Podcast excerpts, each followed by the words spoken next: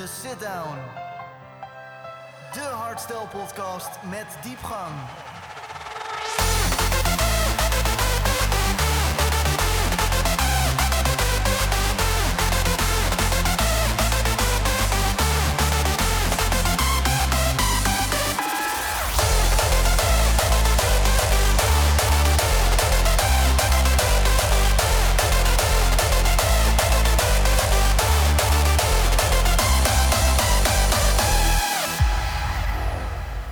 Het is alweer tijd voor de vierde aflevering van de Sit Down. Ik zit hier met Elvis en Kel, ook wel bekend als E-Life en Max Enforcer. Maar nu zitten we hier voor jullie hardcore act Evil Activities. Eh, Kel, vertel eens, hoe is Evil Activities ontstaan? Ehm, er is een flinke historie voordat wij gingen samenwerken. Uh, begon in uh, de eind jaren negentig, toen ik zelf samen met iemand anders muziek begon te maken. Die andere persoon die vond het op een gegeven moment toch wel mooi geweest, na een jaar of twee, en wilde eigenlijk geen muziek meer maken. En dat was voor mij juist mijn passie. Waardoor ik zelf alleen verder ben gegaan als Evil Activities tot in denk 2010 ben ik Elvis ontmoet, of heb ik Elvis ontmoet tijdens een, een gig ergens. En heb ik gevraagd of hij focus wilde doen voor een plaat waar ik mee bezig was op dat moment. En um, zo zijn we in contact gekomen en eigenlijk is het in een notendop wat ik nu uh, dat heel snel, uh, dat ik het snel vertel, maar in principe is het wel zo.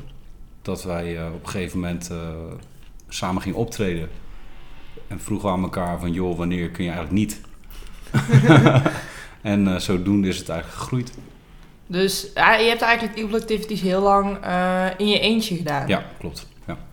En is het nu wel eigenlijk nou, beter dat Elvis erbij is gekomen? Ja, ik vind van wel, sowieso voor de, de, de, de naam Evil Activities. Ja. ja. Doet, het, doet het wel weer kloppen. Ja, dat is ook wel weer zo. Toch? En um, verder, ja, zijn stage presence is... Uh, ja, ik vind Elvis een van de beste MC's van deze planeet, eerlijk gezegd. En dat is gewoon in alle eerlijkheid. En wat maakt hem dan een goede MC? Zijn stem, zijn, uh, zijn zijn, hij. Hij zoals hij is. Ja. Um, jij bent dan, nou, meer, meer dan twintig jaar geleden ben je dan begonnen met hardcore maken. Klopt. maar uh, maakte je daarvoor dan bijvoorbeeld al hardstyle? Of is dat er maar gewoon doorgedrongen? Omdat je wel in je eentje. Nou, om die kort, over, ja, om die, om die kort uit, uit te leggen. Ik, ik was heel, heel jong toen ik begon met muziek maken. Ja. En ik, uh, ik woonde nog bij mijn ouders. Uh, had een mogelijkheid om uh, middels een bank een studio aan te schaffen.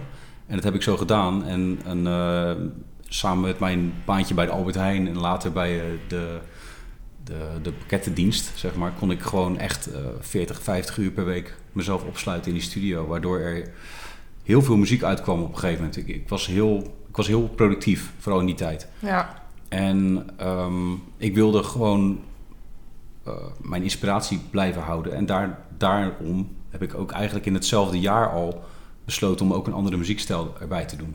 Ja. Dat was toen nog geen hardstyle, want zo heette het nog niet. Nee, dat bestond toen ook volgens nee, mij niet. Nee, dat was in het jaar 2000 dat ik dat besloot. En um, ja, eigenlijk na twee jaar techno-achtige, um, Duitse, trance-achtige uh, muziek te maken, um, hoorde ik ineens ergens in de wandelgangen dat, het, dat de muziek die ik maakte hardstyle heette. Ja. En, en, uh, en zo is het eigenlijk... Uh, ja, is het eigenlijk ook het hardstyle, uh, de hardstyle kant van mijn uh, carrière uh, ja, gegroeid. Ja. Dus het, is, het was eigenlijk gewoon dat, omdat ik ja, mijn inspiratie ook voor hardcore wilde houden. Ik wilde niet elke dag, ja, elke dag een boterham met haalslag is ook niet lekker. Ja, nee, dat snap ik ook wel. Ja. En Elvis, hoe was voor jou de eerste ontmoeting met Kel? Hoe dat was? Ja, gewoon een ontmoeting zoals, zoals elke andere eigenlijk. Ik, uh, wat, wat Kel net al aangaf. Uh, ik was mee met een vriend van mij uh, naar een gig. daar was hij ook. En dat, dat deed ik regelmatig. Ik kom uit een hele andere achtergrond, zeg maar. maar veel van mijn vrienden en familie, die, die, die, die zaten al in het hardcore wezentje, zeg maar. Ja. Dus eh, af en toe ging ik eens mee, even eh, gezellig en eh, nou, even kijken waar ze nou mee bezig waren. En ehm, dus in de, in, de, in, de, in de periferie kreeg ik wel een en ander mee aan wat er in die scene gebeurde, maar het was niet echt mijn wereldje of zo. En bij die gig Kel ontmoet, aan de praat geraakt. En nou, wat ik al net al zei, hij was met een track bezig. En nou ja, checkte of ik het wel interessant vond om daar wat mee te doen. ik heb eigenlijk gezegd, ja, stuur maar op. Als ik het wat vind, dan doe ik er wat mee. Als ik het niks vind, dan hoor je het ook. Ja. En nou ja, uiteindelijk was het een track waar we, waar we wel wat mee konden. En zijn we ermee aan de gang gegaan. Dan zo, zo is eigenlijk dus Evil Activities hoe het nu tot stand is gekomen. Is in ieder geval toen in 2010 op die, ma die manier uh, ontstaan. Dat is toen begonnen, ja. Ja, daar is het begonnen, ja. En hoe gaat het dan nu? Want, um, nou ja, jij zit ook nog hardstyle. Jij bent ook nog eens een MC. Uh, twee, in 2017 hebben jullie een laatste plaat eigenlijk uitgebracht. Mm -hmm. Is er dan wel tijd om muziek te maken, zoals hardcore? Oh, absoluut ja, er is absoluut tijd om uh, muziek te maken. Sterker nog, dat doe ik ook echt uh, ja, zeker vier, vier, vijf dagen in de week. Um, absoluut waar dat ik ook meer hardstyle maak dan dat ik dat vroeger deed. Dat klopt.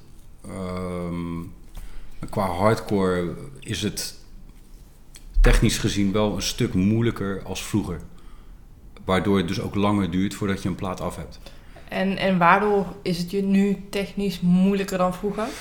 Um, ja, vooral ja, gewoon de, de, de vooruitgang van de, de technieken. Ik bedoel, ik ben daar natuurlijk volop mee bezig. En het is niet zo dat ik niet kan bijbenen. Uh, het duurt gewoon langer. En that's it. En, en um, is hardcore daardoor ook moeilijker dan hardstyle om te produceren? Vind ik wel. In ieder geval de... Kijk, in hardcore heb je natuurlijk ook heel veel verschillende stijlen weer. Ja. Dus je kan hardcore als een, een, een volledige genre noemen, maar daarin heb je ook weer de verschillende uh, ja, entiteiten dus, eigenlijk. Ja, ja. ja, ook weer subgenres. Subgenres eigenlijk, ja, dat is het woord dat ik zocht. Ja. En um, de mainstream of melodieuze hardcore die ik maak, um, of die wij maken, uh, is erg, ja, is gewoon, vind ik, productioneel vlak gewoon een stuk moeilijker ja. te maken. Uh, omdat je heel veel elementen in een uh, heel snel BPM moet proppen, zeg maar. En, dat, ja. en het, om het dan op een mooi plekje te geven, dat is gewoon, ja, het is niet makkelijk. Ja, maar dat, dat is dus wat bij mij inderdaad is, ik ben meer van de hardstyle. Ik vind hardcore en alles wat harder gaat nog steeds wel heel interessant. Mm -hmm. Maar dat lijkt me dus heel lastig. Dat je het wel melodie, ja, met een melodie wil hebben, maar dat je ook de BPM wil aanhouden. Ja, ja. En ook in alle eerlijkheid, de, de hardcore is sneller gegaan de afgelopen, qua BPM's. Is, is, uh, het tempo ligt gewoon 15 à 20 BPM's hoger als dat het uh, een jaar of 6, 7 geleden Ja, is het, ook, is het daar ook zoveel veranderd? ja, ja, kijk, de, het, het, is tegenwoordig een vies woord, maar uptempo, zoals het heet, ja. heeft gewoon echt een opmars gemaakt met, met heel veel goede artiesten daarbij. En dat heeft zijn, zijn, zijn, uh, zijn indruk gemaakt op de hardcore scene. Waardoor veel hardcore producers toch sneller zijn, qua BPM sneller zijn geproduceerd. En ook, zo ook Evil Activities. Ja. En dat maakt het wel nog even een stukje moeilijker. Ja. Maar ja, moeilijk is, is uitdaging toch? Dus. Ja, ja, nee, maar dat is ook zeker. En uh, Elvis, dan jouw rol binnen Evil Activities is dat je vooral de vocals doet en het MC'en? Of Um, zit je ook echt mee in de studio tijdens het produceren? Het is, het is, mijn rol daarin is, is, is eigenlijk meer een stukje A&R. Uh, en ook een stukje gewoon richting bepalen van hey, waar, gaat, waar gaan we naartoe qua, qua sound. Uh, wat Kel denk ik terecht aangeeft is dat de, dat de muziek uh, in 2018 anders is dan de muziek in 2015. Ja. Um, wat ik persoonlijk word ik daar blij van. Want als wij in 2018 nog steeds muziek maken die in 2015 gemaakt wordt, dan, dan sta je stil volgens mij. Dus ik ben blij met elke ontwikkeling die in de muziek plaatsvindt, zeg maar. Uh, om daarin je plek te vinden, daar, is, daar zit de uitdaging. Uh, dus in die zin, als je dan kijkt naar mijn rol, ja, ik ben iemand die een heel duidelijk beeld heeft over hoe iets moet klinken of wat dan ook. En ook door mijn achtergrond natuurlijk ben ik een beetje wars van alle regeltjes en, Ja. en, en, en, en, en, en, en, en eh, eh, kaders waarbinnen eh, hardcore producers zich al jaren tussenvoegen. Ja, Ja, daar heb ik geen last van. Dus eh, ja, ik zeg dingen en dan krijg ik dan als antwoord, ja, maar dat kan niet. En dan geef ik als wedervraag van, maar waarom niet dan? Ja, daar komt dan geen duidelijk antwoord op. ja, Als van, ja, maar dat is nooit zo gebeurd. Ja, dus. Weet je, dus in die zin zit daar mijn rol. Eh, ik ben naast eh, MC natuurlijk ook producer, tekstschrijver en al dat soort. Dus in die zin is dat ook mijn rol in de studio. Ja. Produceren. Eh, en dat betekent eh, dat dat op ja, verschillende manieren tot uiting komt. ja. En di- dit jaar, in ieder geval eh, in 2018, hebben jullie eigenlijk eh, geen nieuwe muziek eh, geproduceerd. Is dat dan, eh, komt dat dan door gewoon, Ah, wel geproduceerd. hoor. ja, niet uitgebracht? Precies. Eh, is het omdat je dan gewoon niet tevreden genoeg bent om het naar buiten te brengen? Nee Of- hoor. Nee, het is meer dat wij eh, met dingetjes bezig zijn voor 2019. En is Ja. het dan gewoon een album of zo'n mini-EP met een paar nummers? Of... Dat laten we nog in het midden. dat ligt echt aan eh, de beslissingen die we maken qua de sound voor 2019. Ja, Ik bedoel, wat ik al zeg, er liggen veel ideeën, veel, eh, veel, er liggen ook een aantal tracks die af zijn.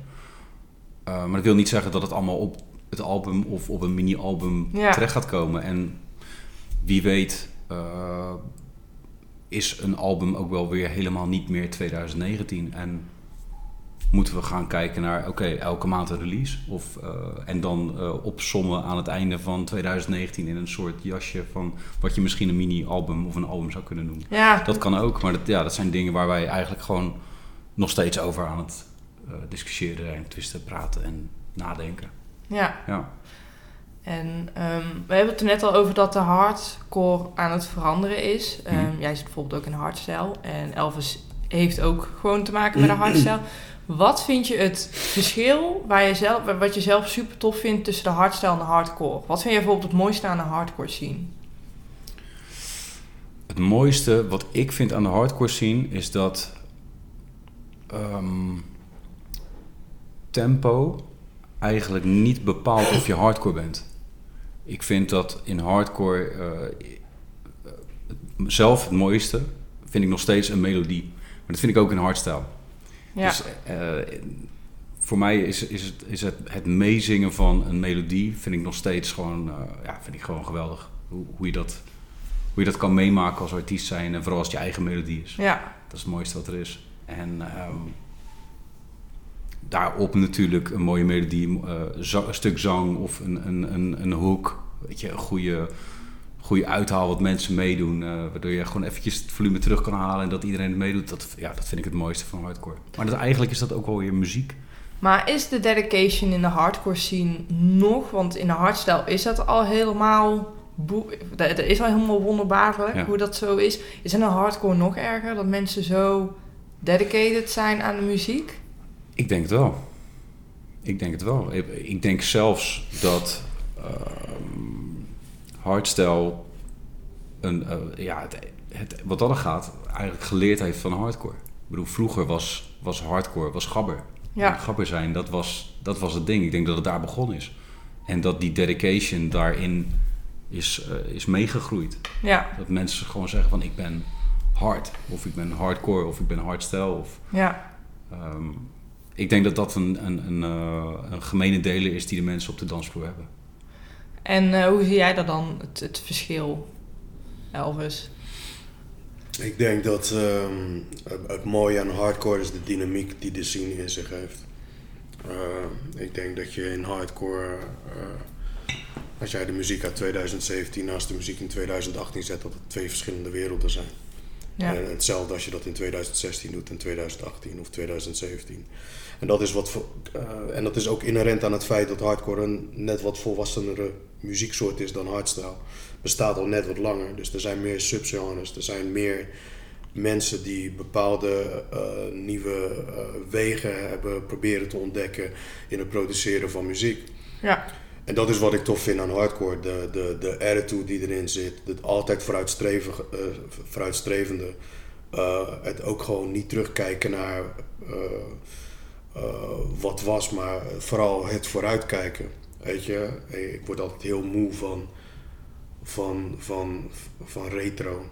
Weet je, en om de, om de zoveel tijd, dan steekt het zich de kop op. eh, dat je een periode hebt dat, eh, dat er feesten zijn waarin oude muziek wordt gedraaid. En dat is te gek. Het is altijd leuk om even terug te kijken, maar het is voor mij het equivalent van een 90s party of zo. Ja. Van rot op met die shit. Weet je, maar mensen doen alsof het dat helemaal de shit is. En af Ja. en toe is dat wel tof. Weet je, maar dat was toen. Weet je. En, ben- en dan bedoel je die feesten dat eh, je hebt, eh, ik noem even een paar voorbeelden. Vroeger was alles beter, tijdmachine, dat het echt van die early. Ja, maar dat, Ja. Is wel, dat is wel tof om af en toe zo'n feest te hebben. Maar om daar weer een heel verhaal om te creëren, dat is voor mij het equivalent van een Back to the 90s Ja. party. Wat ze in fucking, eh, weet ik wel, Ahoy of in de Maaspoort doen of zo, weet je wel. Ja. Met alle oude top 40 acts. Maar Ja. het is precies hetzelfde. Het is gewoon een heel commercieel verhaaltje. eh, wat op dat moment werkt. En waar het voor mij in muziek om draait, is het vooruitkijken, vooruitstrevend zijn. En, En nieuwe heel tijd vernieuwen, denk ik. Ja, en niet vernieuwen om het vernieuwen, weet je, want het moet wel, het moet wel gewoon goed zijn. Ja, Eh, maar als je mij vraagt wat vind je tof aan hardcore, ja, vind ik tof dat het zich constant voortbeweegt. En niet altijd in een richting waarvan ik zeg van, oh, nou word ik blij van. Nee, want smaken verschillen. Ja. Over smaak valt niet, eh, eh, over smaak valt nog steeds te twisten. Ja. Of niet te twisten, een van de twee, whatever je, whatever je wil. Maar het feit dat het zich vooruit beweegt, ja, dat is mooi. En dat, als je dan naar bijvoorbeeld haar- hardstyle kijkt, heb je soms wel gewoon jaren waar gewoon 2015 gewoon puur lijkt op 2016. En 2017 lijkt op 2015. En dat we met z'n allen opspringen als er weer eens een plaat voorbij komt die gewoon even anders is. Dat is bijvoorbeeld ook het succes van Sub-Zero Project. Ze komen Ja. met een ander verhaal, ze komen met een andere sound. Weet je? en, En daarom, en omdat het iets nieuws is, heeft iedereen zoiets van: ja, dit is te gek. Ja, ik had het in het begin dat ik daar wel oprecht aan moest wennen. Maar na hun set op eh, Climax dacht ik, oké, ik ben over. Ik, Ja, maar Het is ze, goed. Ze, ze doen gewoon wat anders. Maar wat je dan nu weer krijgt, is dat mensen dan dat ook gaan doen. Weet je, en dus moeten weer.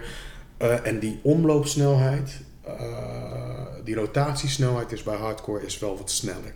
ja, dat ze sneller doorhebben. Oh, wacht, nu zit ik hetzelfde te doen als... Nou,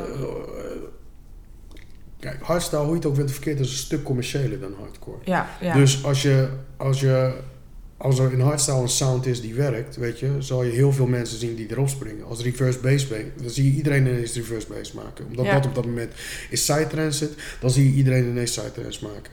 Weet je, en ik vind dat, eigenlijk vind ik dat een, een, een, een, een tekortkoming van, van, eh, van, van, van, pro- van producers, zeg maar. Is er dan ook een soort van tekortkoming aan creativiteit? Of... Nou, je wordt, je wordt als, als hardstyle producer, of als producer in general, zeker in hardcore en, en, en hardstyle, word je natuurlijk wel ook door het publiek binnen bepaalde kaders gehouden vaak. Weet je, omdat voor een artiest is het heel moeilijk om buiten de lijntjes te kleuren, omdat je dan, eh, nou ja, eh, een hele hoop over je heen krijgt. Maar als je het nooit doet, dan gebeurt er ook niks. En de bangheid, de, de, de, de, de angst, eh, ja, dat is wel iets wat, wat denk ik heel, een hele hoop producers tegenhoudt. Ja, Ja, en daar sluit ik me ook wel bij aan. ja, ik herken het. Ik had Het is niet makkelijk om dat te doen. Zeg maar, om Het- echt, eh, is inderdaad niet makkelijk om buiten de lijntjes voortaan te gaan kleuren binnen de hardstyle. Ehm, ik vind ook dat het te veel gekaderd wordt. Dus dat je gewoon hokjes hebt. Je hebt nu raw style en je hebt eh, euforisch. En... Ja, maar dat is goed, hè? Ja. Daar, is, daar is ook niks mis mee. Want we, we, we zijn mensen en als mens heb je gewoon de neiging om ergens een plakketje of een stikje op te douwen van dat is dat. Want je hebt het gewoon nodig Ja, dat om voor jezelf op een of andere manier een, een, richting te creëren binnen zo'n scene. Want er gebeurt gewoon. Ja, nee, maar dat is wel. Maar ik vind dat sommige mm, artiesten die krijgen dan bijvoorbeeld de stempel raw style. Maar dan denk ik, maar dat, is, dat, vind, ik, dat vind ik helemaal niet ertussen passen. Nee. Dan denk ik, ja, Maar dat is uiteindelijk, uiteindelijk komt daar weer iets nieuws uit. Want Ja. zo begon het met Raw toch ook. Er kwam Ja. iemand die ging iets anders doen. En eh, ja, dat is de, de nieuwe ster aan het euforische hardstyle front. Ja, maar dit is helemaal niet euforisch. Eh, en op een gegeven moment wordt het zo groot. Hé, hey, dit moet een nieuw naampje hebben. En toen werd het. Ja, Ik zeg het heel simplistisch nee, nu maar hoor. dat is Maar, wel. maar dat is wel zo. Dus als er iemand opstaat die gewoon wat anders doet. Wat op een gegeven moment niet meer onder een kopje of onder een noemer valt te, te plaatsen. Ja, Ja, dan op een gegeven moment, als dat enough wind catcht, weet je, dan wordt dat, wordt dat vanzelf iets. Nou ja, dat is een ontwikkeling. Ja, die moet je als producer of als scene of als liefhebber van muziek moet je dat alleen maar toejuichen. En het Ja. hoeft niet je smaak te zijn, dat Nee. is wat anders. klopt. Weet je, maar je moet, het wel, je moet er wel achter staan. Want het is ook hardstyle. Of het is ook hardcore. Of Ja. het is ook whatever. Het, het, het valt binnen de... Ja, het valt binnen de kaders met vanaf 150 eh, beat per minute. Maar zijn dat de Ja. kaders? Ja, nee, dat niet. Eh, Ja, maar, maar snap je wat ja, ik nee, maar- ja, nee, ik snap het. Het, is, wel. het is wel degelijk een kader op Het dit is een soort minimum bij hardstyle. Nee, maar zijn dat de kaders? Ja. Ja, ik vind dat er vrij weinig kaders hoeven te zijn. There you go. Maar als meer producers dat zouden hebben, zou er ook veel meer gebeuren. Maar als jij jezelf wijs maakt van ja, dat is de kader, of dat is een kader, of whatever, weet je, zal je ook nooit leren om buiten dat kader te denken. Ja, Want als er, een, als er een fysieke grens is, of een mentale grens is, en je accepteert dat er een mentale grens is, ga je daar ook niet voorbij. ja dat- Never. Want je komt altijd, het is net als, als, als, een, als een peuter leert dat een, een stoeprand, dat is het begin van de weg ja, als dat van jongs af aan geleerd wordt, elke keer als hij bij een stoeprand komt, dan is het, er gebeurt er iets. Dan is het van, hé, hey, ik moet nu opletten. Weet je? Maar als Ja. je accepteert dat die stoeprand er eigenlijk helemaal niet is, ja, dan loop je er gewoon voorbij. En dan word je doodgereden. dan word je geraakt voor een auto. Ja. Maar ik snap goed Maar ja, zonder Ja. risico's, weet je, gebeurt er niks in het leven. Nee. Ja, vind je dat dan jammer dat dat dus, dat, dat, ehm, dus in dat, bijvoorbeeld in de hardstyle, dat daar veel minder risico's wordt genomen dan in de hardcore? Ja. Ik vind het echt jammer, omdat, omdat en, en, en don't get me wrong hoor, ik ben niet iemand die zegt van, ja, als producer moet je altijd alle risico's nemen die ik maar kan. Nee, is ge- gelul. Maar de balans is er niet. Snap je Ja. wat ik bedoel? Tuurlijk begrijp ik ook dat de hardstyle, daar, daar, daar zijn bepaald, is, er is een bepaalde vorm waar we dat met z'n allen ingieten. We get it. Ja, Weet je? Maar binnen die vorm is er zoveel ruimte en die ruimte wordt gewoon niet benut. En daar zou wat meer balans in moeten zijn. Neem niet weg dat, dat er echt supergoeie muziek wordt, wordt gemaakt door producers die zich helemaal aan alle kaders houden. En dan komt het nog goede muziek uit. Ja. Dat vind ik knap. ja, dat Ja, vind ik dus heel knap. ik, Weet je, als, als, als, als jij een, een, een meesterwerk kan schilderen met alleen maar rood, blauw en, en, en, en paars. Wauw. Snap je wat ik bedoel? Alleen ik ben iemand die zegt van ja, maar er zijn nog meer kleuren. ja, Er is ook nog groen, er is ook nog bruin, er is ook nog dit, er is ook nog dat. Ja. Wees fucking Bob Ross, man. In plaats van, weet je? ja. Maar we hebben maar het idee dat we maar twee kleurtjes hebben of zo. Ja, ja ik kan, eh, ik snap, ik, ik, ik, kan, ik kan me wel in vinden wat je zegt. Dat mensen, eh, ja, niet zomaar buiten de lijntjes dan binnen de hardstyle durven. Maar het is een comfortzone. Dat is het. Op een gegeven moment zit je in een comfortzone en je voelt je comfy in wat je aan het doen bent. Ja. En eh, je bent aan het accelereren, zeg maar, in, in wat je doet. En op een gegeven moment dan is dat een soort, een soort, is dat eigenlijk voor jezelf je eigen doos Ja, geworden. En ehm, kan het zomaar zijn dat de hele scene doorstroomt naar iets anders. Maar jij zit nog steeds in je doosje. Weet je, als je je doosje openzet, is eigenlijk wat Elvis daarmee denk ik bedoelt. dan, dan, en open blijft Ja. voor wat er gebeurt, dan, ehm, en af en toe wat risico's pakt, dan groei je mee. ja. Maar ja, Of kan je zelfs een richting bepalen, zelfs. Ja, dat is zeker. Maar ja, het is even nog steeds een hardstyle. Want ik, bijvoorbeeld wat ik wel goed, toen ik een beetje medicine ging terugkijken, bijvoorbeeld Noise Controllers, die heeft toen ooit een keer een, echt een, een, een, een sound kunnen bepalen. Ja, Toen klopt. echt heel veel jaar geleden. Klopt. En nu is bijvoorbeeld Sub-Zero Project die echt een, een bepalende sound heeft gemaakt. Ook, ook eens. Maar denk je dat hun zijn gaan zitten, of Bas of die, of, of, Eh, of, of die twee jongens, dat hun zijn gaan zitten en zo van oké, maar nu ga ik echt een nieuwe sound maken. Nee. Nee, hun gingen Nee. gewoon- ik denk dat ze gewoon maar een beetje aan knopjes zijn gaan draaien. Ze met- zijn, ze zijn gewoon muziek gaan maken. Hey, en dit klinkt tof. Dat is muziek. Ja, Weet je, en wat je nu heel vaak ziet, en don't get me wrong, dat is niet bij alle producers, bij alle DJ's en ook niet all the time en whatever. Weet je, en daarmee, eh, nogmaals, ik val echt geen DJ's af of wat. Maar Nu is het zo van, oké, ik heb dit element, ik heb dat element, dit hoort erbij en dit hoort erbij en daarmee ga ik aan de slag. En ik kijk wel wat daaruit komt. Ja, Terwijl het hele ding waarom jij ooit muziek bent gaan maken als DJ, als producer, omdat jij zoiets had van ja maar ik moet me expressen op een of andere manier. En daar zaten toen nog helemaal geen regeltjes aan vast en whatever. Weet je, en dat is denk ik, dat is denk ik eh, samen met natuurlijk het publiek, wat je natuurlijk ook aan een bepaald stramien vast laat houden, ja, is, is verantwoordelijk voor, als je dan weer terugkomt naar de vraag van hey, verschil hardcore hardstyle, waardoor de rotatiesnelheid bij hardstyle een stuk langzamer is als bij, bij hardcore. hardcore. Weet je, één, hardcore is een stuk volwassener dan hardstyle. Je ziet het nu ook bij hardstyle, je ziet verschillende stijlen, zie je zich nu ontpoppen. Uh, meer richtingen, zeg maar. En dat is logisch, want de muziek wordt ook steeds een Ja. jaartje ouder. En er komt er steeds meer nieuwe invloeden komen erbij. En bij hardcore is dat proces al wat langer aan de gang. Dus je Ja. hebt je hebt Frenchcore, je hebt uptempo, je hebt Ja. dit, je hebt dat, je hebt zus, Ja. je hebt zo. En Frenchcore begint nu ook steeds meer, Ja. eh, door, bijvoorbeeld door Sefa, Ja. is het helemaal, ook Ja. helemaal naar de top gegaan. Ja. Omdat, nou ja, eh, ik, ik ben zelf, vond ik Frenchcore altijd dat ik dacht, daar zit geen melodie in. Maar door. Sefa en door Ja. Dr. Peacock ben ik echt gaan denken, oh, wacht, er zit wel een melodie Ja. in. Ja. Ja, en, en ik, weet je, voor one, heb zoiets van, yeah man, more power to them. Go, alsjeblieft, weet je. Want volgend jaar is er weer een andere stroming die weer even boven komt draaien. En volgend dat jaar erop is er weer een andere stroming. En zo hou je het fresh.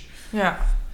Want dan, ehm, ja, eh, jij zit dan in de hardcore. Heb je dan nog wel een artiest waar je tegen opkijkt binnen de hardcore zelf? Nou, vind- nee. Hmm. Nee, niet echt. Nou ja, je bent waarschijnlijk ook een van de artiesten Nou ja, die... het is, dat, het is niet zo van. eh, ik, bedoel, ik bedoel daar niet mee te zeggen dat ik mezelf dus het beste vind of zo. Nee. Nee, het, het is meer van. ehm,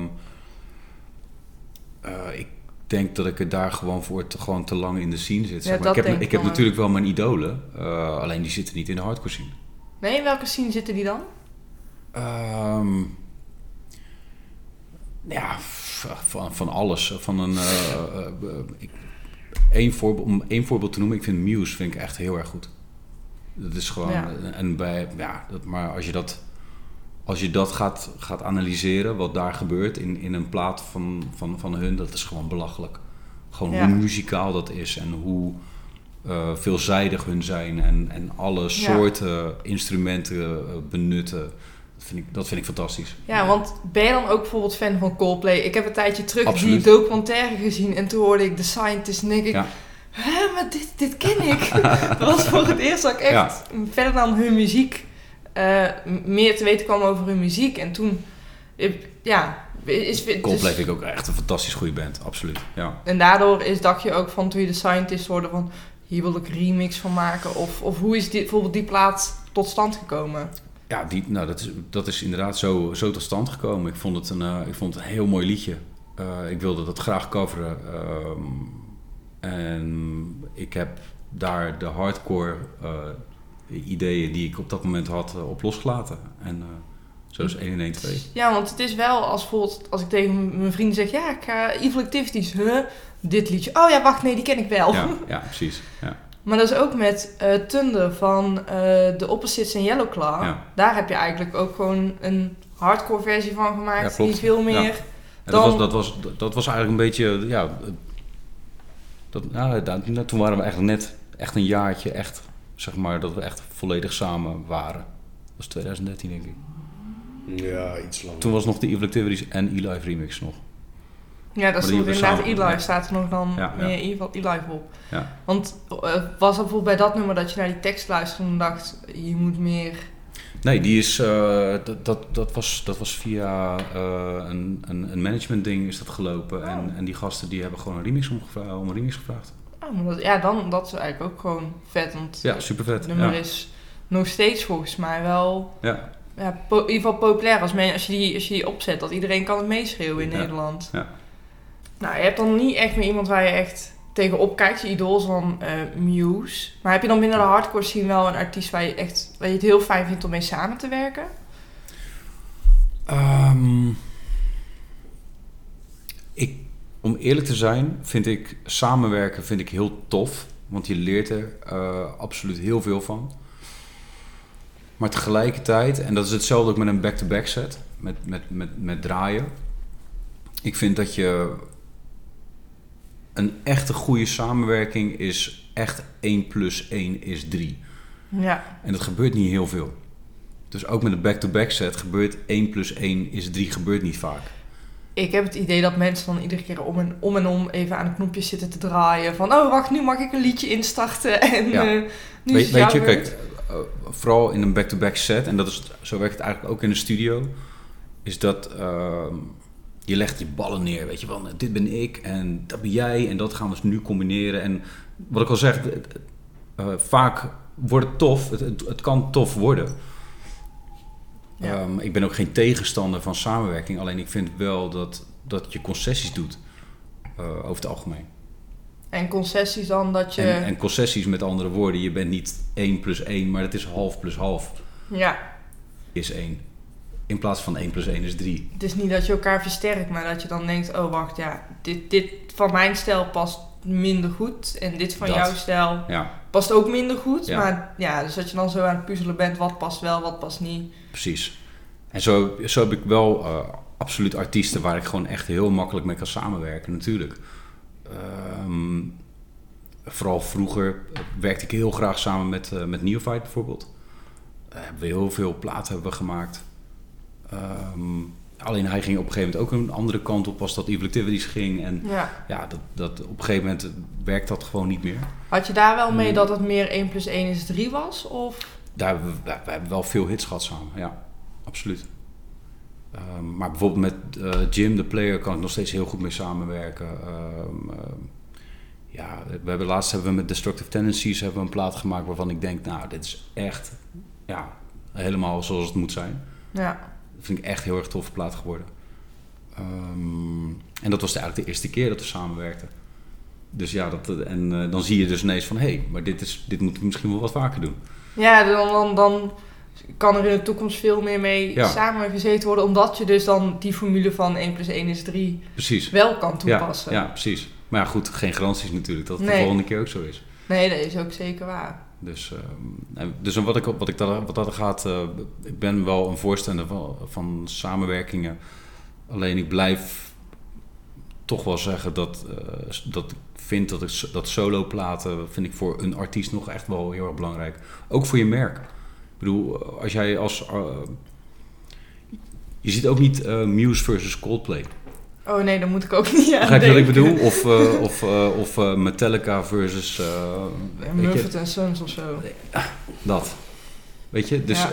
ik vind het heel belangrijk als artiest je eigen identiteit te hebben. En Ja. samenwerking heel tof, maar af en toe Ja. dat.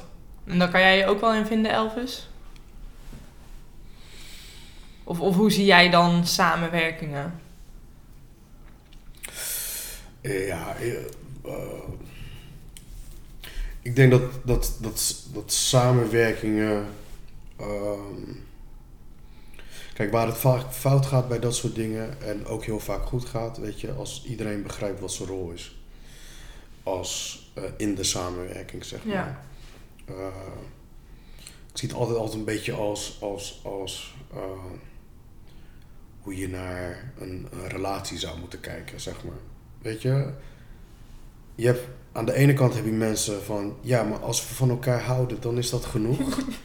Weet je, dat vind ik Ja. een vrij, vrij naïeve blik op een relatie, zeg maar. Omdat een relatie is gewoon, ja, tuurlijk, het houden van, dat moet er zijn. Maar daarnaast is het gewoon werken en weten wat je plaats is in de relatie. En Ja. op een hele nuchtere, soms te rationele manier kijken eh, naar een situatie en kijken hoe kan je die verbeteren en hoe kan je hem laten werken. Dat is bij een samenwerking natuurlijk precies hetzelfde. Je kan elkaar hartstikke tof vinden, maar als je met elkaar in de studio gaat zitten en je weet niet wat je gaat doen. Ja, we vinden elkaar heel tof. Oké. Ja, en nu? Ja. Weet je? Ja. Ehm, dus als je niet weet wie je bent en waar je vandaan komt en wat jouw input kan zijn in een samenwerking of in zo'n relatie, zeg Ja. maar. Ja, dan gooi je eigenlijk een bal in de lucht en dan hoop je dat die goed neerkomt. En van dat soort samenwerking heb ik niet zoveel mee. En zie je dat wel steeds vaker voorbij komen omdat het bijvoorbeeld goed voor je artiestennaam is als je met een grote naam samenwerkt of Nee, maar daar is niks mis mee. nee. Het is niks mis mee. Er is niks mis met een strategische keuze. Ja, Daar is niks mis mee. Ehm, en wat mooi is binnen, binnen eh, de hardcore scene, maar ook binnen de hardstyle scene, is dat iedereen elkaar wel kent en iedereen wel zich onder één familie schaart, zeg maar, Ja. met z'n allen. Dus eh, een contact is zo gelegd, een afspraak is zo gemaakt. eh, weet je, dat is wel iets heel moois. Eh, maar dat betekent nog niet dat het werkt. ja, Precies. Uh, uh, uh, dus daarom zeg ik niks mis met strategische keuzes. Uh, en niks mis met van, hé hey, ja, maar we houden van elkaar en uh, daar moeten we het mee doen. Uh, alleen, daar zijn nog wel een paar elementen wat een goede samenwerking een goede samenwerking maakt. ja. Nee, daar kan ik op zich ook wel eh, in begrijpen. En vind je het dan bijvoorbeeld ook belangrijk dat je echt een klik hebt met degene met wie je in de studio zit? Ehm, dat had ik wel altijd. Maar ehm, ik denk dat ik nu wel zo open kan zijn om te zeggen van... nou, laten we het in ieder geval proberen.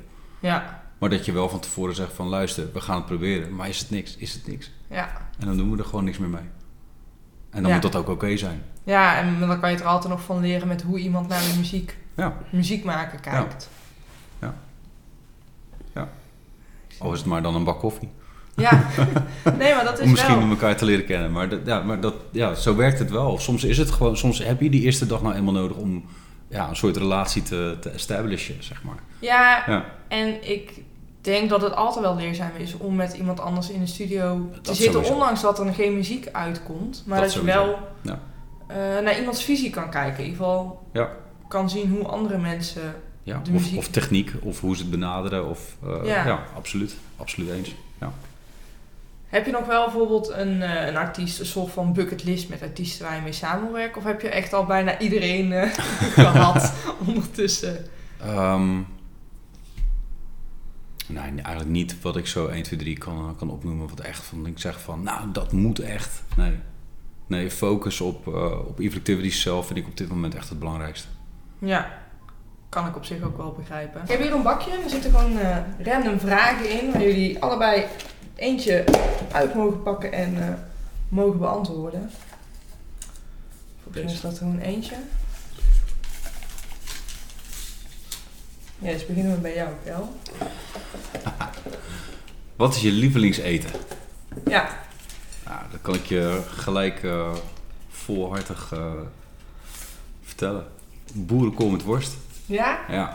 Is dat dus dan ook als je bijvoorbeeld een lange, uh, bijvoorbeeld een lange tour in het buitenland hebt gehad, dat je daar ook echt gelukkig van wordt als je dat... Nee, dat niet. Nee, dat niet? Nee, dat, dat, dat dan weer niet.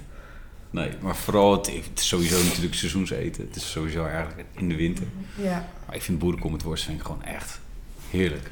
Dat is gewoon lekker zo'n Ja. Hollandse kost. Ja, ja. Ah, mooi. Ja. Welke vraag heb jij, eh, Elvis? Wat is je favoriete land om op te trainen? Ja, Dat vind ik wel moeilijk. Omdat eh, elk land heeft wel zijn, zijn... Ja, hoe moet dat zeggen? zijn, zijn eigen cultuur, denk ik. Ja. Ja, dat En, klopt. en, en zijn eigen charmes, denk ik ook. Ja, vooral dat ja. Eh, het is soms heel tof om, om echt pionierswerk te verrichten.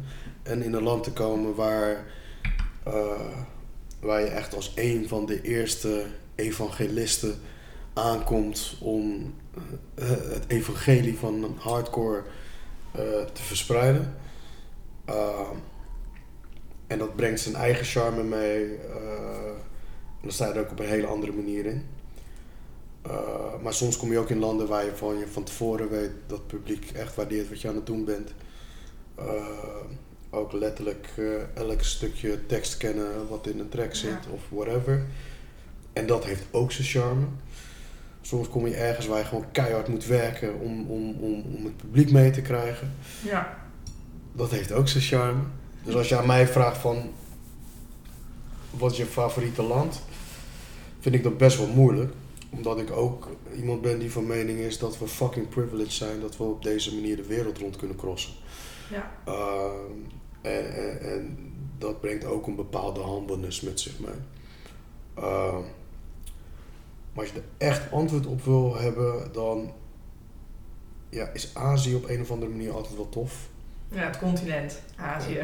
Ja, maar dat komt ook omdat ik met, met, met Azië sowieso wel iets heb of zo. Weet je? Ik en, en op welke manier heb je dan echt iets met Azië? Nou, ik, ik, ik zeg wel Azië, maar um, ik ben altijd gefascineerd door culturen die het gewoon heel anders doen dan dat wij dat doen.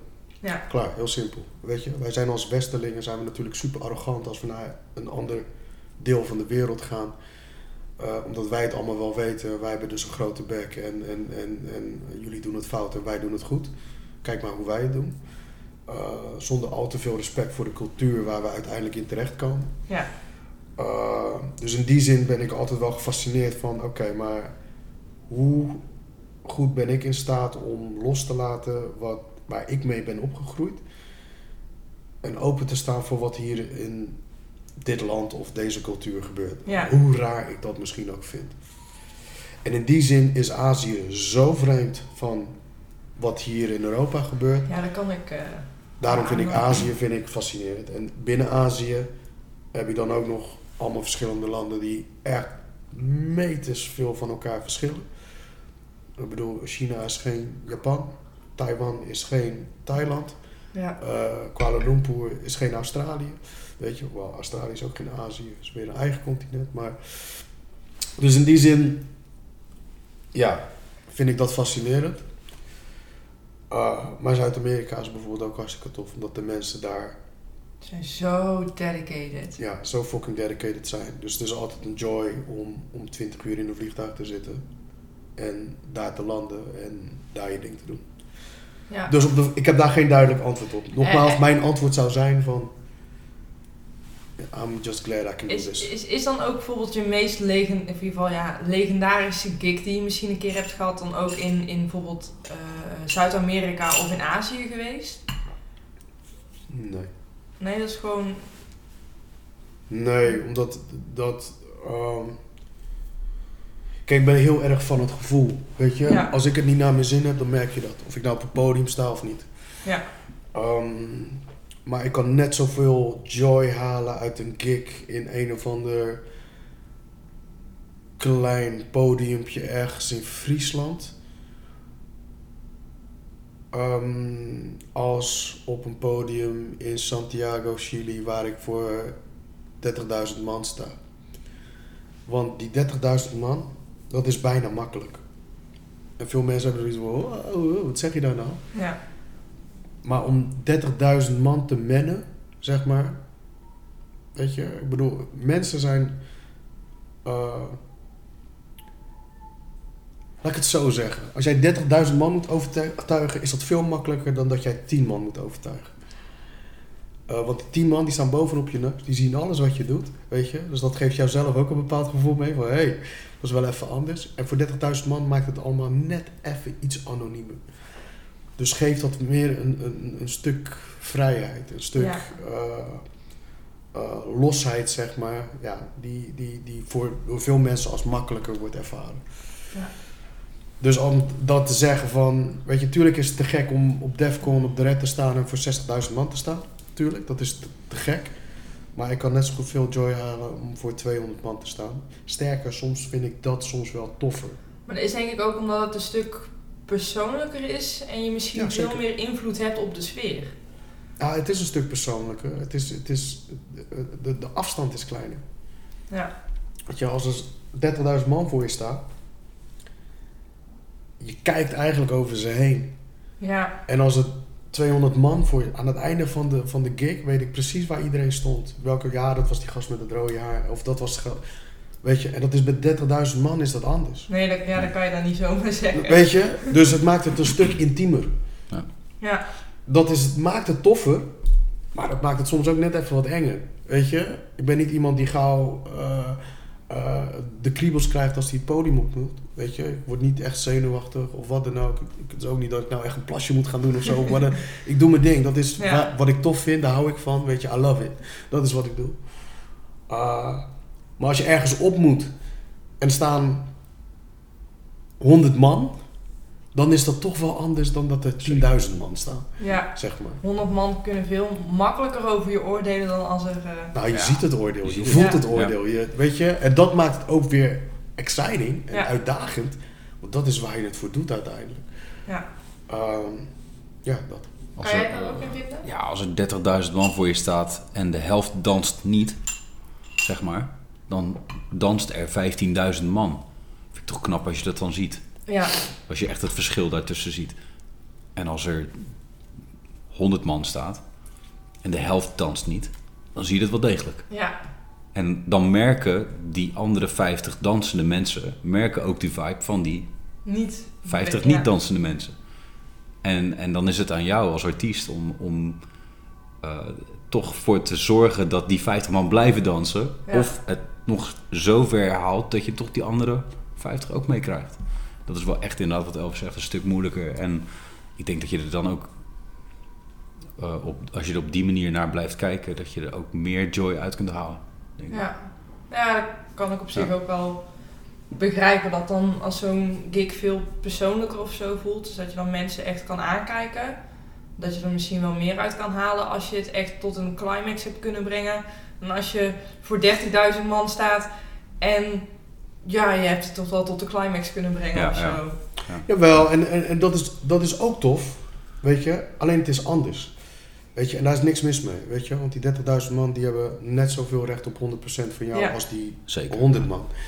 Uh, dus het is niet dat je minder gaat doen of whatever. Helemaal niet. Maar uh, Het is denk ik uitdagender als je Ja, als voor een artiest. kleinere groep staat. ja, zeker. Dat. Ja, in ieder geval mooi om die, visie zo te horen.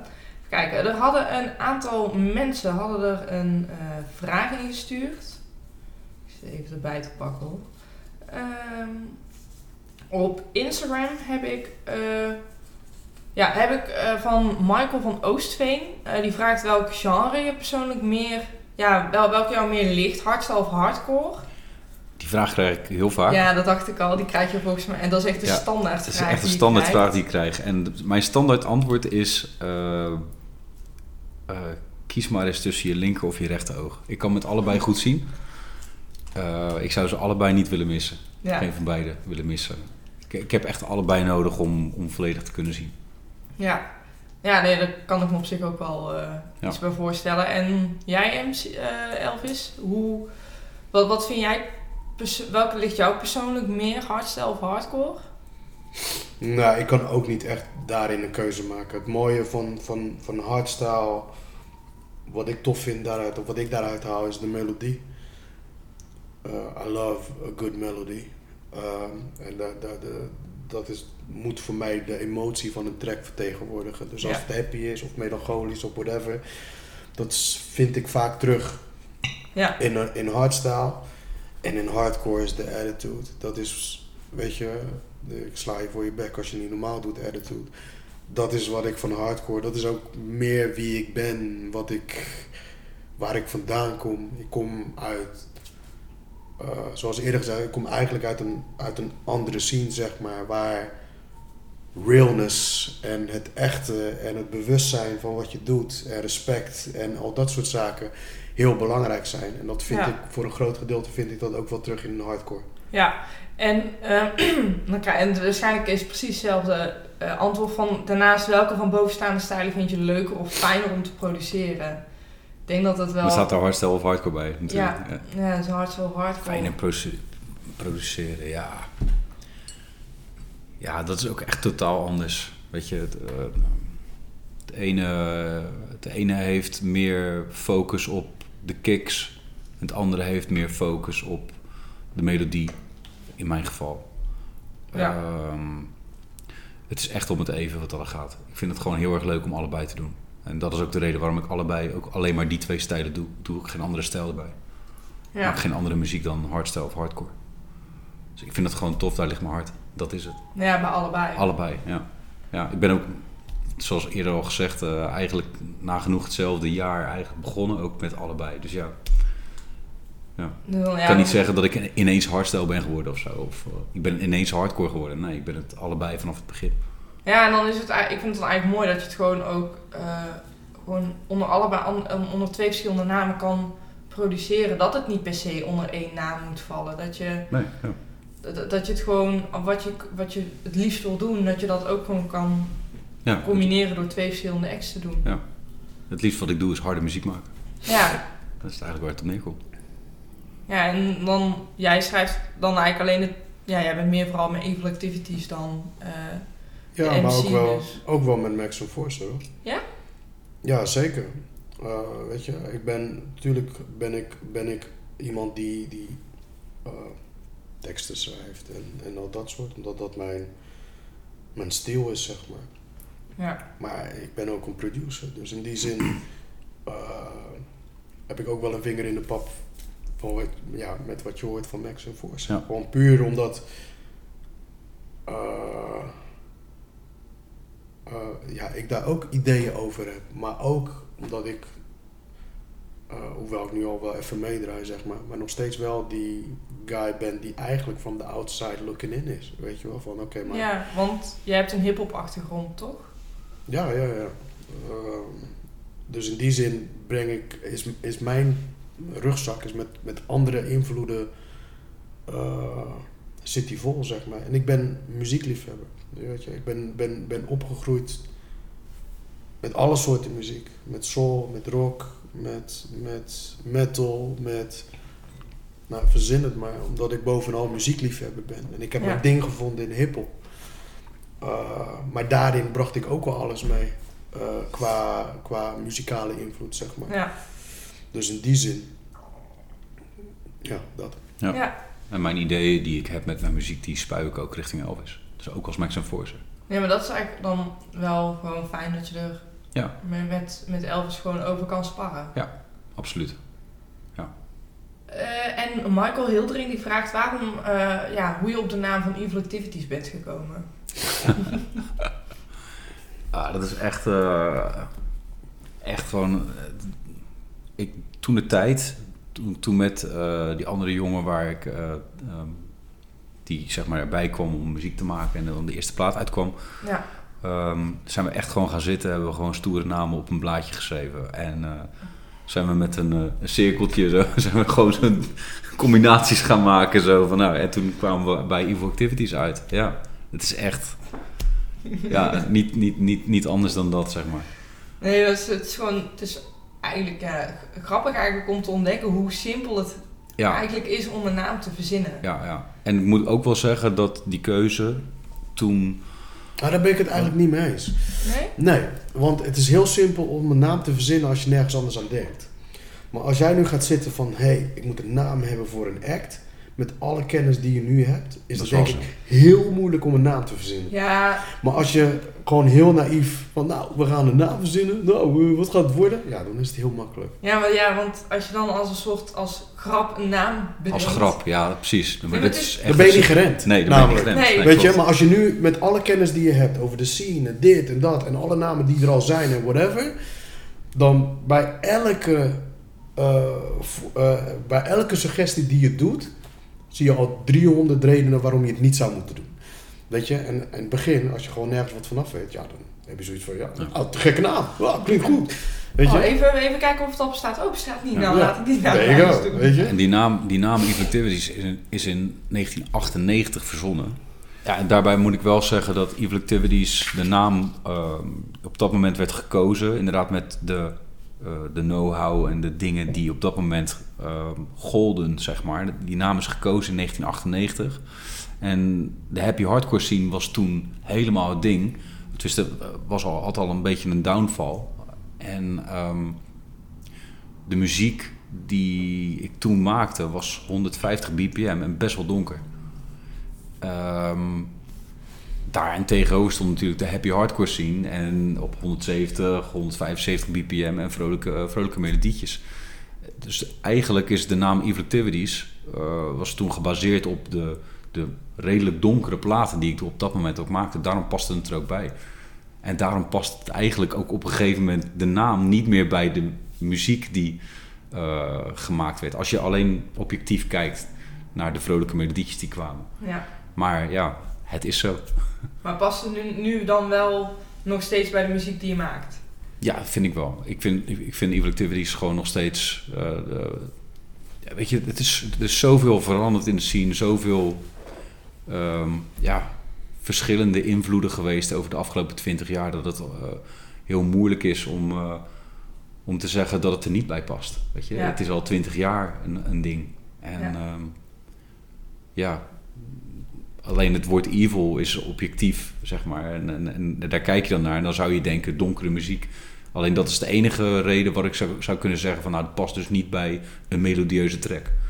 Maar ja, weet je, Ja. Ik denk dat als je op een gegeven moment gewoon een echt een merk bent geworden, precies. Ja. dat het niet zoveel, heel veel meer uitmaakt, denk ik. Nee. Of het heel erg bij de naam past of niet. Want je bent een merk, mensen weten wat voor soortje muziek je maakt. En dan is het volgens mij ook wel prima. Ja. In ieder geval heb ik het idee. Ja, maar dat is natuurlijk ook zo. Ik bedoel, eh, ik denk dat je als een sterk merk bent, dat, dat het, nou ja, als je het de twee decennia volhoudt als merk zijnde, weet Ja. je, eh, dat het wel ergens voor staat. Eh, mensen weten inmiddels ook wel waar het voor staat. En als je nieuw bent to the game, ja, dan zou je het misschien eerst niet snappen van, hè, weet je, maar ja. Maar dan kom je er ook al wel snel achter. Ja. Ja. en daarnaast, who cares, weet je. Het is een naam, Ja. weet je. Dus, eh, weet je, als je de naam niet tof vindt, ja, dan vind je het toch niet tof? Ga je toch naar iets anders luisteren? Ja. Ja. Ja, fuck you. ja, sorry. En daarbij ook één hit eh, of, of, of twee hits of drie hits is niet, ehm, is niet de hele catalogus. Nee. Dus eh, en, en wij hebben bij elkaar hebben we volgens mij een catalogus van, eh dat zal zijn, drie, ik denk wel, denk wel 300 platen bij elkaar. Dat is best wel veel. Ja. Weet je, en dan, ja, hoeveel kun je erop noemen? Ja, als je dat aan een, aan een leek vraagt, dan zeggen ze, nou, ik ken die wel en die en die en die. Maar dan, dan houdt het op een gegeven moment wel op. ja, en als jij dan nummers gaat noemen, dan is het, oh ja, oh ja, die nog en oh ja, die nog. Ja, precies. Weet je, en dat, ja, dat, dat maakt het toch anders. Maar ja, goed, ook dat hoort erbij. Ja, Mensen die kennen je van bepaalde platen, bepaalde, en die linken daar een herinnering aan. En, en that's it. ja, ja heel, heel herkenbaar dat het dan herinnering aan de plaat wordt gelinkt. Ja, Maar dat is met alles toch? Ja. Weet je, of het nou muziek is, of een bepaalde geur, of een bepaalde de kleur, of een bepaalde handeling. Alles draait, en zeker met kunst, weet je, wat muziek ook gewoon is. Weet je, alles draait om de connectie die je op dat moment met het kunststuk maakt, zeg Ja. maar. Dus in die zin hebben bepaalde mensen een hele toffe herinnering bij Nobody Said It Was Easy. En hebben bepaalde mensen een hele toffe herinnering bij Thunder. Maar dan zijn er ook mensen die bij Thunder een kutgevoel hebben. Ja. Weet je, en die het gewoon een kutplaat vinden. Ja, Ja. Ja, Ja. dat is het. Over smaak, weet je, valt Ja. niet te twisten gewoon. Dus als je het tof vindt, vind je het tof. Vind je het niet tof, vind je het niet tof. Maar iedereen bepaalt voor zichzelf wat een stukje muziek voor die persoon betekent. het is gewoon maar goed dat we niet allemaal dezelfde smaak hebben, anders is het ook maar zo saai. Anders zou Nou ja, het klinkt, het, het klinkt cliché, weet je. Maar het is, uiteindelijk is het natuurlijk wel zo. Dat je uiteindelijk... Uiteindelijk ben je als, als persoon, denk ik, altijd op zoek naar je eigen individualiteit. Weet je, wie wil jij zijn? Weet je, en je wil altijd anders zijn dan iemand anders. Weet je, en eigenlijk wil je nergens bij horen, maar is het toch wel fijn als je ergens bij hoort. Weet je, dat, dat zijn allemaal, weet je, eh, dan ja, gaan we even wat dieper. Weet je, het zijn allemaal levensvragen waar we met z'n allen mee dealen.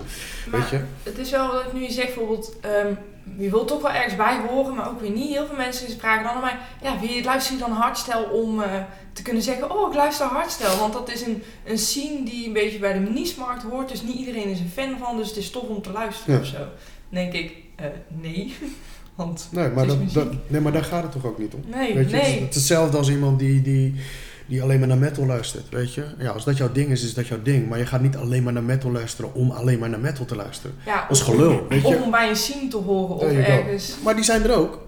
Ja. Je hebt ook mensen die Ja. gewoon ergens bij willen horen. En die, die, ja, die het moeilijk vinden om hun eigen weg binnen hun leven uit te kaderen. Ja, Ja. nou, dat kan. Weet je. En als dan een, een scene jou een bepaald gevoel van familie geeft. Hey, more power to you. Mij maakt het op zich niet uit waarom je ergens zit. Als je maar geniet van waar je op dat moment bent. Weet je. En dat is het eh, eh, moeilijke voor, voor veel mensen. Is nog steeds om in het hier en nu te zitten. Om te Ja. genieten van wat er op dat moment gebeurt. En even alles los te laten. Dus de enige functie die wij hebben als artiesten, zeg maar, is jou op dit moment laten vergeten dat misschien je leven een kutleven is.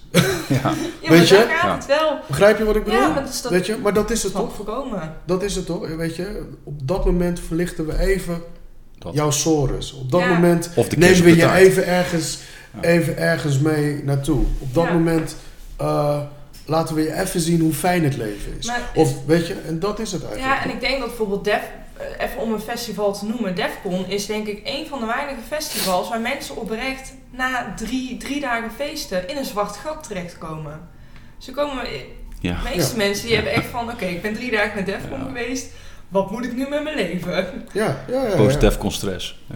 Ja. Ja, maar daarom zeg ik, en dat is dat hele ding. En als een stukje muziek daaraan kan bijdragen, weet je, ja, hoe humbling is dat? Ja.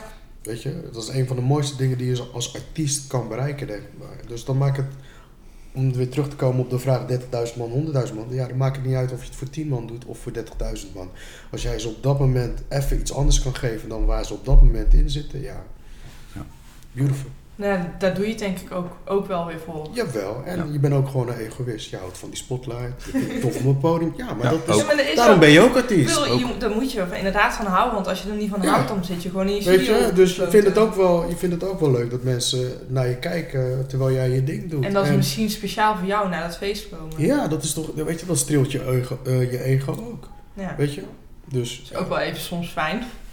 Jawel, tuurlijk. Nee, maar daarom zeg ik, weet je, ik bedoel, artiest zijn of, of bezig zijn met dingen, het heeft zoveel facetten. Weet je, het is niet maar één ding. Het is niet van, hey, je stapt op het podium op en we gaan de wereld eens verbeteren. Nee, tuurlijk niet. Je stapt ook op het podium op omdat je dat nodig hebt als, Ja. als artiest of als DJ of als producer of als MC of whatever. Je hebt het op een of andere nodig. Ja, is Ja. dat je kick die je eruit haalt? Nou, die kick is ook te gek. En als je met die kick een hele hoop andere mensen een kick kan geven, ja, dat is toch great. Ja, daar word ik happy van. Ja, daar kan ik me iets bij voorstellen. Ja. Kijken, en dan heeft eh Rowan Petersen die vraagt of, eh, of je in de toekomst vaker wat early setjes gaat draaien. Nou, daar dat vind ik een hele mooie vraag. Ehm, duidelijk, nee. Nee. Wij, wij zijn nog steeds eh, van het vernieuwen. Dat willen we blijven. En af en toe een dedicated feest doen. Eh, denk aan bijvoorbeeld een Resonate. Wat Ja. gewoon één groot, weet je, het is één feest, eh, één zaal. ehm, dedicated aan die muziekstijl. Dan willen we er nog wel eens over nadenken. Maar eigenlijk meer dan, ja, meer dan een paar keer per jaar vind ik, vind ik eigenlijk al, vind ik eigenlijk al ja. Bijna te veel. hoe tof het ook is, hè?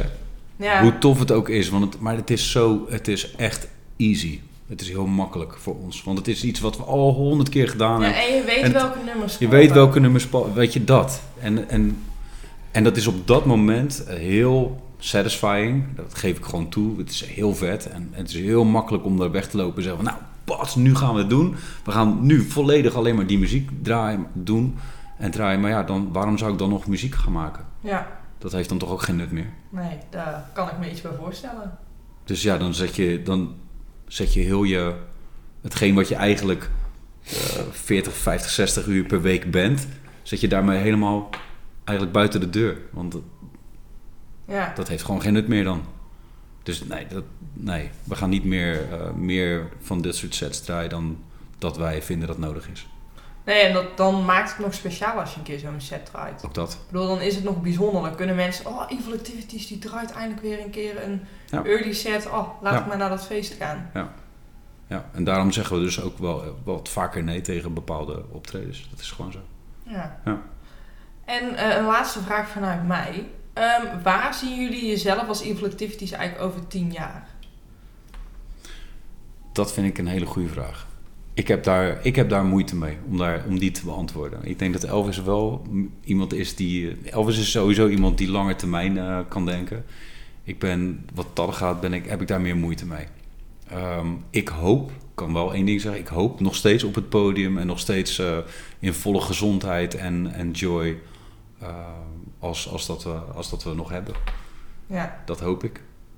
En, en, en ehm, of dat dan een klein feest is of een groot feest. eh, zolang, zolang ik mag eh, muziek blijven maken ehm, zonder al te veel zorgen te hebben, ben ik helemaal content. Ja. Want dit is wat ik wil doen. En wat ik doe. En daar ben ik heel erg blij mee. Ja, jij bent meer gewoon van het hier en nu en eh, niet te ver. Nou, nee, ik wil, wel, ik wil best voor, vooruit denken. Dat is, het, dat is het niet. Alleen, eh, waar ben je over tien jaar? Dat vind ik een hele moeilijke vraag te beantwoorden. Ik, Ja. ik kan dat niet zeggen. Ik bedoel, het, het is niet ook alleen maar aan mij. Ik kan Nee, alleen het maar is ook zeggen... aan de scene. Het is ook aan de scene wat mensen willen, wat mensen horen. Ik bedoel, ja, wie weet. Ja. Wie weet. Het zal niet aan mij liggen, in ieder geval. Ik weet wat ik doe. Ik, ik blijf muziek maken. En hopelijk de muziek die ik nu maak... ehm, wordt over 10, 15 jaar ook weer gezien als een soort millenniumfeest. Of Ja. weet je... eh, dat. Ik, ho- ik hoop dat dat het is. En jij Elvis, hoe zie je... Ja, de, dat, dat is een van de meest kutte vragen die je iemand kan stellen natuurlijk. Ja. Weet je? Ehm, ik denk dat het, niemand kan vertellen waar, waar Evil Activities over tien jaar is. Ehm, en je, je- je weet ook niet of je dit over, over tien jaar nog steeds op deze manier doet. Ja. Eh, Je weet ook niet hoe de ontwikkelingen van feesten, van de scene... Nee, het enige wat je wel weet, eh, of waar je wel invloed op hebt, weet je, is hoe je er zelf in staat. En hoe je, eh, wie je, wat je identiteit is als muzikant. Ehm, als je daar een goede grip op hebt, dan is er over tien jaar nog steeds plek voor alles. Ja. Eh, als je die grip niet hebt, zeg maar, dan, Ja. ja. dan ben je er niet meer, zeg maar. Ja. Dus in die zin, om te vragen van waar is Evil Activities, ja, geen flauw idee. Ja, weet ik niet. Eh, ik denk eh, dat er genoeg ehm, inspiratie is en genoeg bagage is en genoeg wittiness is om het nog tien jaar te doen, zeg maar. Op een goede manier. Eh, vooruitstrevend, altijd vooruitkijkend. Eh, daarom het terugkijken, eh, waar we net even over hadden. Dat is af en toe leuk, weet je. Maar het gevaar met te veel terugkijken is dat je vergeet te zien waar je nou naartoe gaat. Ja. Ehm, en als je dat blijft houden, ja, dan is het over tien jaar ook nog wel oké hoor. Dus over tien jaar is, eh, staat, denk jij nog wel gewoon evil activities achter de draaitafels als alles eh, gewoon goed gaat? Ja, ik denk dat die kans er zeker wel in zit. Maar er zit ook een kans in dat het niet zo is, hè? Ja, Nee. dat kan. Weet je, dat is dat alle ding. kanten op. Weet Ja. je, eh, dus eh, weet je, het- daarom is het ook zo'n moeilijke vraag. Je hebt het ook wel eens bij sollicitatiegesprekken. Ja, waar zie je jezelf over vijf jaar? Ja, weet ik veel. Hoe- weet je, wa- wat is het Ja. nou voor een kutvraag? Want het is ook gewoon een kutvraag, weet je. Je weet niet eh, wat er gebeurt. Het enige wat je kan doen is, is, is eh, hier en nu alles zo neerzetten voor jezelf in, in, in, in, eh, met de, de, de kennis die jij hebt. Ja. Ehm, dingen, ja, je, pad uit te, te, te zetten voor, voor, voor wie je bent. En, en, en, en, en eh, ja, weet je, dat, dat is het enige wat je kunt doen. En, en als, je, als je dat maar blijft doen, dus elk moment, dan denk ik dat dat je, je pad gaat wel. Weet je, je dan ja, is het geen eh, onverharde weg, maar is het een asfaltweg wat je neer kunt leggen. Weet je, en, en ja, kun je dat over tien jaar nog steeds doen, eh, over die snelweg heen? Ik weet het niet. Ik hoop het. En in Ja. ieder geval in alle gezondheid. Weet je, dat is het allerbelangrijkste. Ja, ja, dat denk ik ook wel. Ja, in ieder geval, eh, ja, thanks. Thanks voor, eh, voor deze aflevering. Alsjeblieft. Alsjeblieft.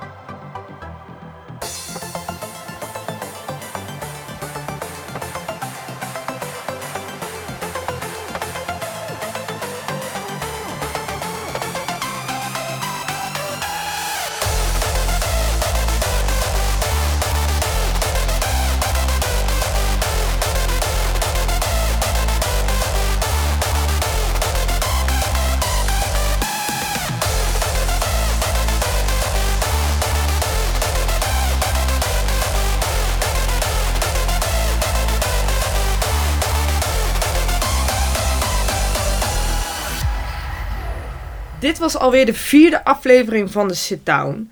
Eh, wil je nou niks van ons missen? Vergeet dan niet te abonneren, te liken en de sit-down op alle sociale kanalen te volgen. En wij zijn gewoon weer de eerste vrijdag van de volgende maand gewoon weer terug.